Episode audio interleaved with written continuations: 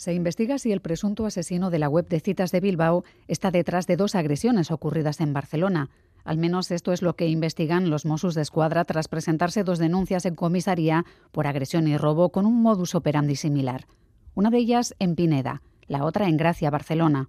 En ambos casos se habría identificado a Nelson David como la persona con la que quedaron.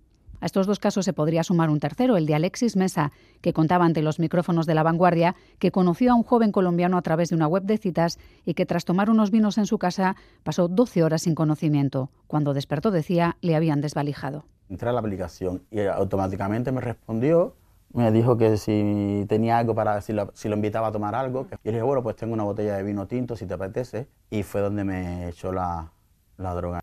Cree que le drogó y que por eso insistía tanto en que bebiera y lo hiciera rápido. Ahora puedo contarlo, ahora, ahora me siento bien, pero mm, yo te digo que es muy chungo, chungo, chungo eh, los meses que pasé. Me pasé noche y decía, ¿cómo me puede haber pasado esto? Alexis dijo reconocer la situación y los rasgos de aquel joven que estuvo en su casa en las fotografías que emitieron algunos medios de comunicación del acusado, el joven al que buscaban por su presunta relación con seis muertes de varones en el entorno de Bilbao entre septiembre y diciembre de 2021. El 5 de mayo, Nelson David se presentó en la Archanechea de Irún, localidad en la que llevaba tiempo viviendo junto a su novia y su suegra. Soy Miriam Duque, la encargada de abriros esta Gambara Negra, un podcast de crónica negra en el que hacemos que ciencia, especialistas y pruebas hablen más que nosotros para recomponer la actualidad y tratar de entender la mente de quienes se escoran al lado oscuro. Nos acompaña César San Juan, profesor de Psicología Criminal y Psicología Jurídica en la Universidad del País Vasco. Es además psicólogo forense. César San Juan, bienvenido. ¿Qué tal? Muy buenas, muy estupendamente. Bueno, me alegro. También hay otra voz habitual de esta sección, la del ex jefe de la Policía Científica de la Archancha, Iñaki Irusta. Iñaki, ¿qué tal? ¿Todo bien? Muy bien, Miriam. Me alegro. Bueno, Iñaki, el consejero de Seguridad del Gobierno vasco, Josu Erkoreka, ya había anunciado en una de sus primeras convocatorias y comparecencias que se estaban reconstruyendo los pasos del presunto autor de los hechos dentro y fuera de Euskadi.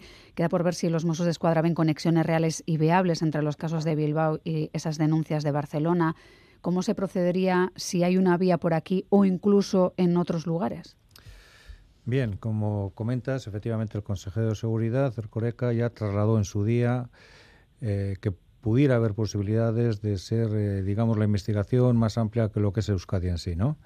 Se está viendo, y por los datos que están saliendo al exterior, todo dentro de la cautela y del secreto sumario que está establecido, y dentro de lo que es el contexto de la investigación, que puede haber ramificaciones y que puede haber relaciones y que se establecen a través de las diferentes policías. En este caso, si fuese a nivel de Cataluña, se establecerían como los Mossos y si vemos que hay ramificación a nivel, digamos, internacional, pues se entra, si es que no se ha entrado, que seguramente sí, ya en conexión con nuestras policías. Al final lo que se trata es de un trasvase de información, tanto en lo que es la línea de la investigación, en todo su ámbito, esto hay que mirarlo en un contexto muy amplio, como en el ámbito que se está trabajando en lo que es la parte laboratorio. Sí se tiene constancia de que Nelson David habría hecho un viaje a Murcia, que también estuvo en Barcelona. Eh, no sé si hay otra constancia de viajes por Europa, por ejemplo, si se le tiene detectado más allá y si con que si se denuncie y se reconozca su imagen es suficiente para que se investigue o hace falta conectarle con huellas o con algún otro resto en las viviendas. Estamos hablando de hace mucho tiempo ya. Tenemos que tener en cuenta el contexto de la investigación. También ha salido por ahí que se ha revelado una huella y demás.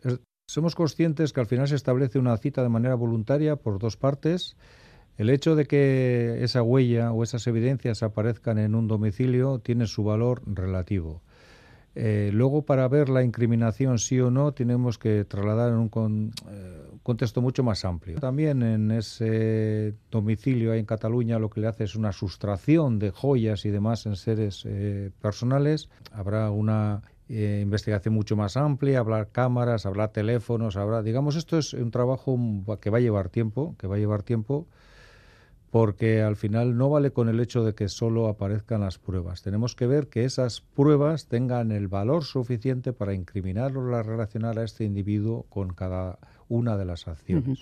Pero para la policía científica es viable un escenario de 2020 o es eh, echarse mucho tiempo hacia atrás en el tiempo. Es un escenario complejo, porque si tenemos en cuenta que esa vivienda pues ha hecho una o ha seguido haciendo una vida normal o aún no habiendo hecho una vida normal, pues las evidencias, lógicamente, con el paso del tiempo, algunas de ellas se van deteriorando, otras se mantienen en el tiempo. Pero aún así todo, si en esa vivienda no ha habido una vida, digamos, eh, normalizada, se pudiera hacer un trabajo de lo que es la labor de los técnicos de policía científica. Luego esperemos a ver lo que sale y luego de cada una de esas pruebas vamos a ver la relación incriminatoria que pudiera tener. Eso en lo que a los escenarios se refiere, en el caso de, de las mentes, César, ¿Es posible determinar el perfil o los rasgos psicológicos de quien estaría detrás de estas muertes con los datos que tenemos a día de hoy? Aunque no sé si habría que empezar definiendo qué supone un asesino en serie, porque enseguida hemos empezado a, utilizarlo y tal vez no estemos del todo seguros de si lo estamos utilizando bien. Sí, lógicamente. Si se demuestra que efectivamente este individuo es el autor de dos o más muertes y que ha habido entre cada una de ellas un periodo de enfriamiento, pues lógicamente yo sí hablaría de un asesino en serie. Y ya cuando me hicieron la primera entrevista, cuando se empezaron a hablar, a hablar de este caso, yo adelanté que se podía, que, no había ninguna razón para pensar que no hubiera más, más asesinatos de, perpetrados por este individuo, como parece que lamentablemente está, está ocurriendo. La mayor parte de los asesinos en serie tienen un perfil psicopático y en este caso, pues eh, si se trata efectivamente de un asesino en serie, pues probablemente, hombre, lógicamente no será una personalidad normal. Claro, eh, estamos hablando de, una persona que podría estar haciendo este tipo de, cosas con una violencia, bueno, pues eh, muy importante solo para robar. ¿Podría entrar dentro de los parámetros que, que, no tuviese empatía por la vida humana y que robar le pareciera, le pareciera suficiente motivo como para acabar con la vida de alguien? Bueno, por eso decía, es el perfil de un, de un, de un psicópata, de, de un perfil psicopático.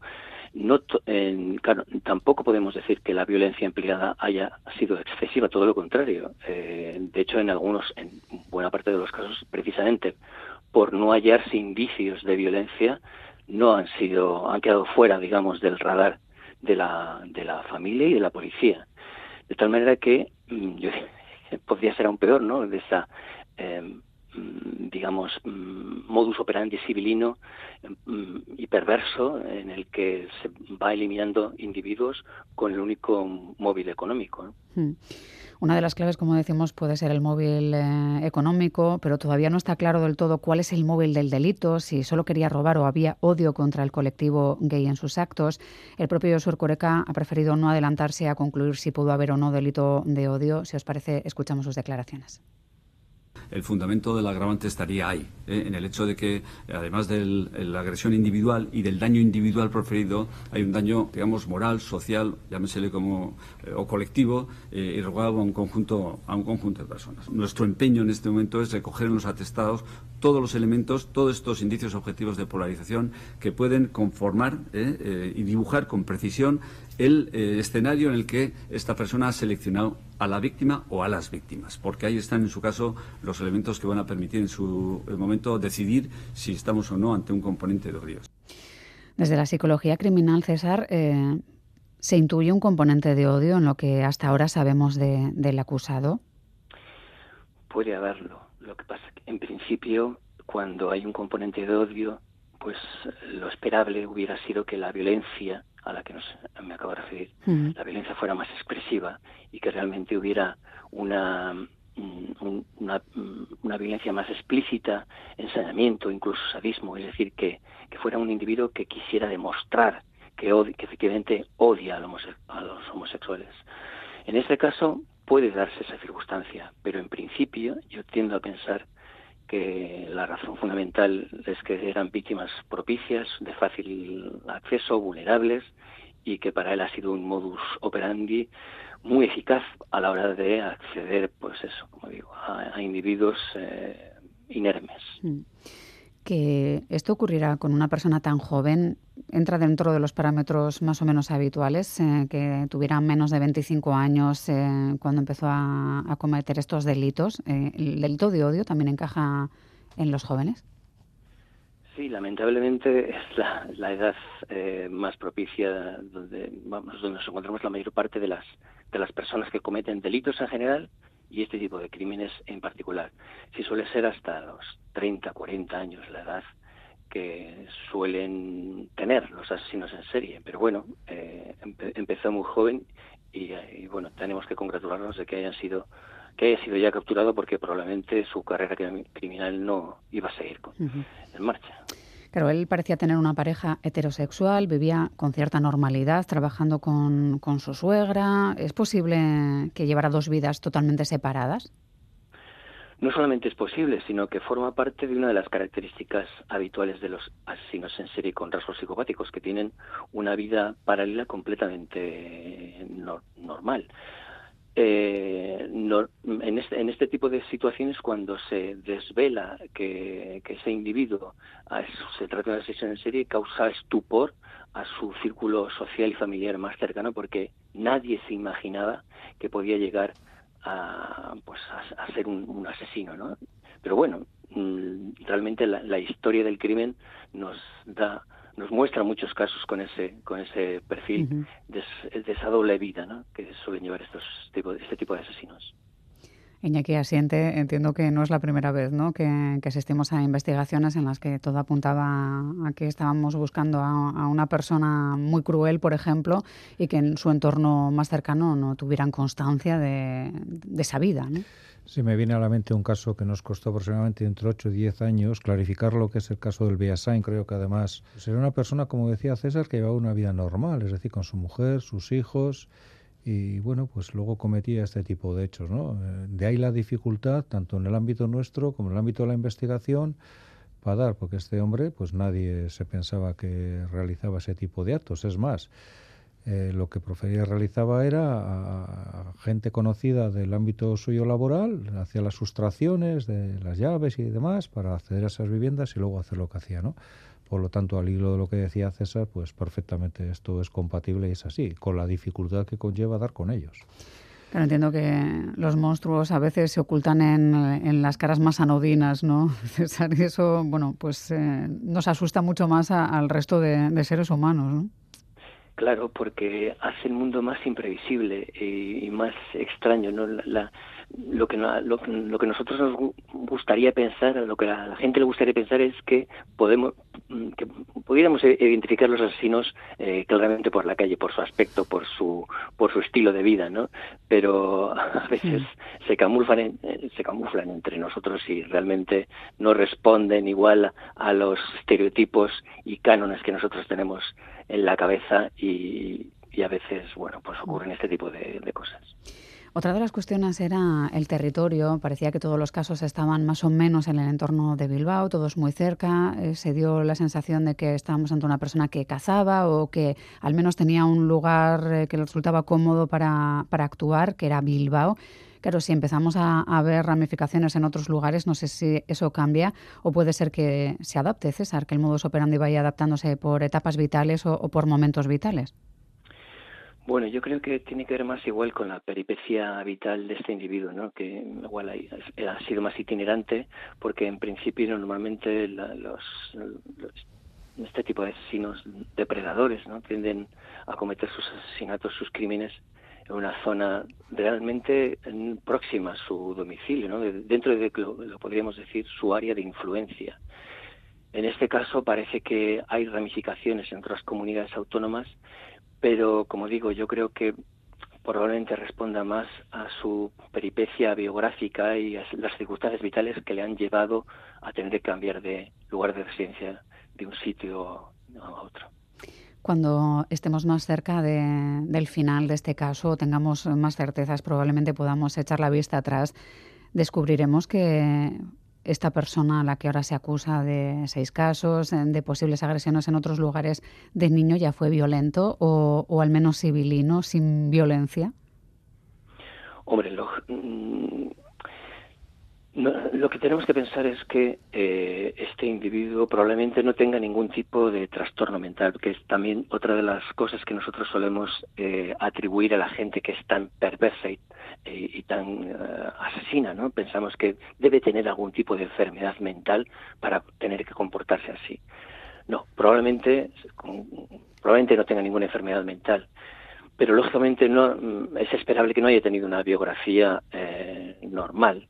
Eh, con normal quiero decir con una infancia y una familia estructurada y un proceso de socialización pues normalizado, ¿no? seguramente que cuando empiece, empecemos a rascar, en cuanto empecemos a rascar la biografía de este individuo, pues se encontrarán eh, episodios que, nos, que no responden a lo, a lo, que sería habitual ¿no? en, en, un proceso normal de socialización, como digo. Así que como poco encontraremos un niño con empatía cero, ¿no? Probablemente, porque cuando, cuando se, mm, una de las características de, este tipo de criminales es precisamente la falta de empatía. Y a veces y a veces no es tanto la falta de empatía, porque hay, casos en los que sí tienen empatía, pero no es un, una empatía solidaria, no es una empatía que están interesados en cómo te sientes, es una empatía que es, utilizada perversamente para manipularte, para mentir, para engañar, para fagocitarte, para exprimirte. Y en este caso, pues probablemente sea de esa circunstancia. Y lógicamente eso no surge de la noche a la mañana, sino, como digo, pues nos encontrarás probablemente con, un menor con una falta de, de, de escrúpulos y de, y de empatía que, bueno, que con el tiempo pues ha derivado en lo que estamos viendo.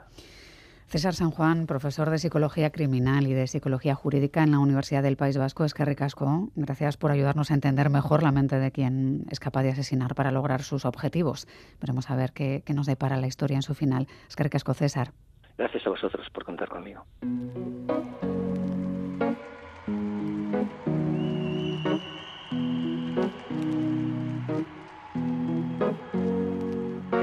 Here's to the ones that we got.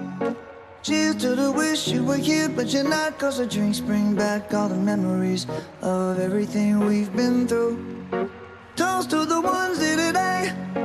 Toast to the ones that we lost on the way. Cause the drinks bring back all the memories. And the memories bring back, memories bring back your.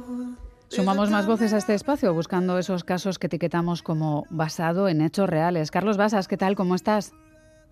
Hola Miriam, ¿qué tal? Hola. Eh, efectivamente, hoy no hablaremos de ningún true crime en concreto, pero sí hablaremos de un tema interesante que es el de eh, escritores asesinos. Es decir, eh, una serie de escritores que decidieron llevar más allá de las páginas de su novela el, el hecho de, cometer un crimen, ¿no? de, de asesinar eh, a alguien. En algunos casos asesinaron después de haber escrito esas novelas, en otros asesinaron antes y tuvieron el atrevimiento de reflejarlo en eh, las páginas de ficción que entregaron posteriormente a sus editores.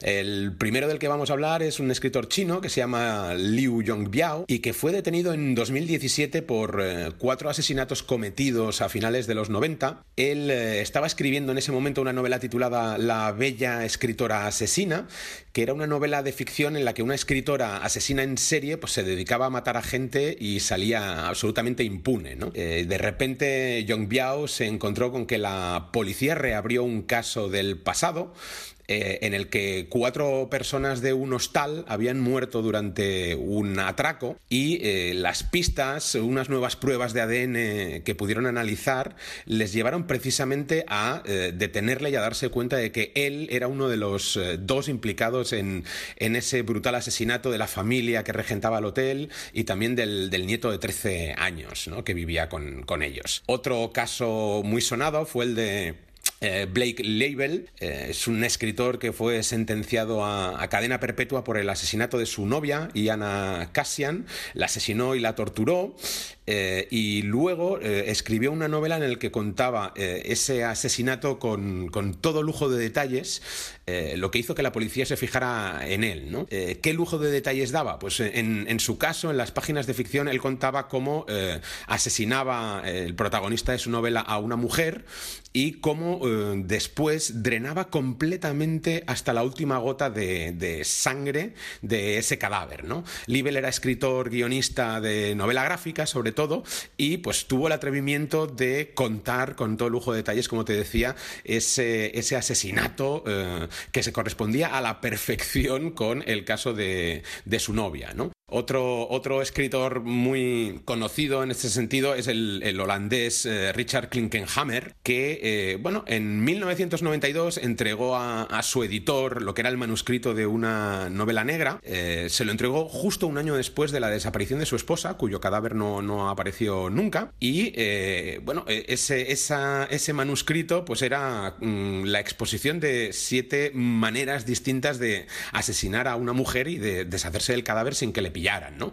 Una de ellas en concreto era, pues, por ejemplo, para que tengas una idea, pues deshacerse del cuerpo metiéndolo en una picadora de carne y dando, dando de comer después eh, esa carne picada a, las palomas, ¿no? Oh, eh, el, editor, espantado porque algunos de los crímenes que reflejaba eran absolutamente oscuros, rechazó el manuscrito, pero parte de esos textos se filtraron a determinadas publicaciones underground y le acabaron convirtiendo eh, en una celebridad, ¿no? Empezó a aparecer en la, en la prensa, en entrevistas, en programas de televisión, lo que hizo que, de algún modo, la policía se fijara en él. Eh, pusiera el foco. Y eh, la historia es como sigue. Klingenhammer llega un momento en que se muda de su casa en Ámsterdam y la familia que alquila esa, vivienda empieza a hacer reformas y acaban descubriendo eh, un esqueleto enterrado bajo el suelo de cemento del patio trasero de la, vivienda. ¿no?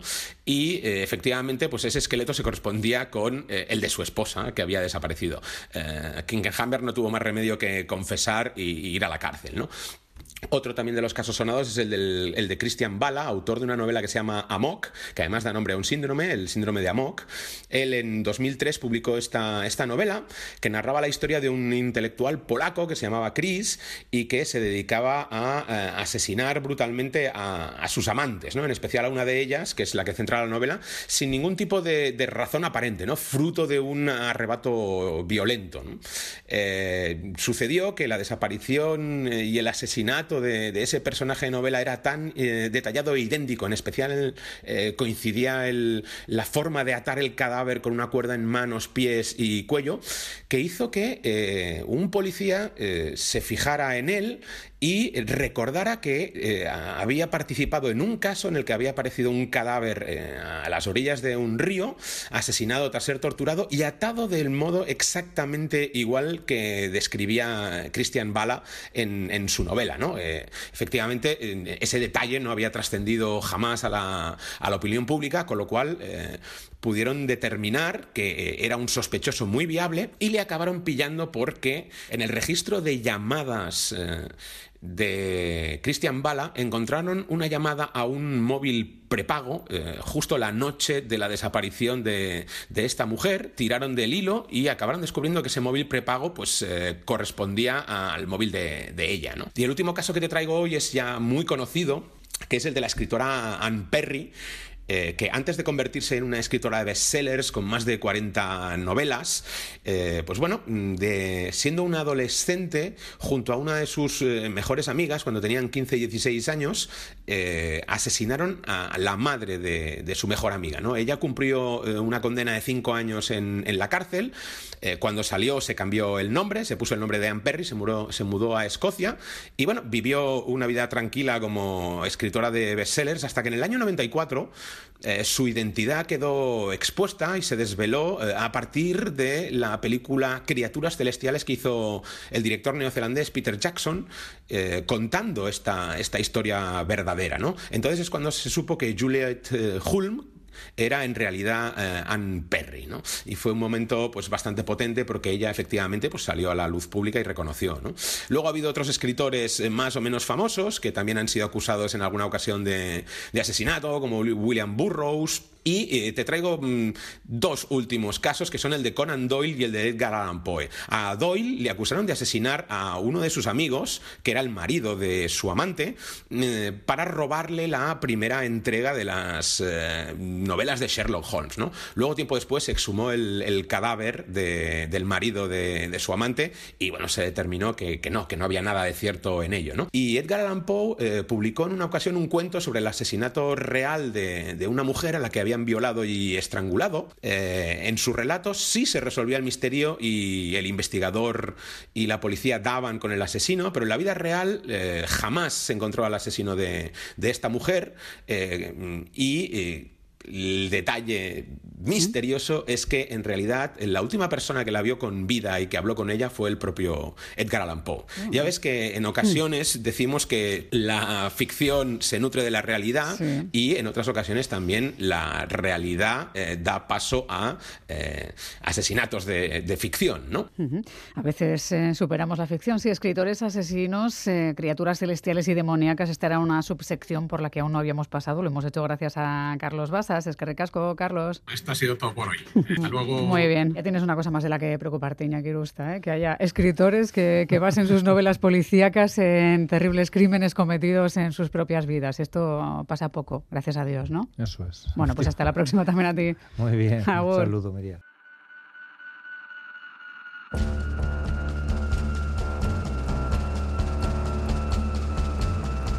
Gambara Negra, el podcast de crónica negra e investigación de EITB Podcast.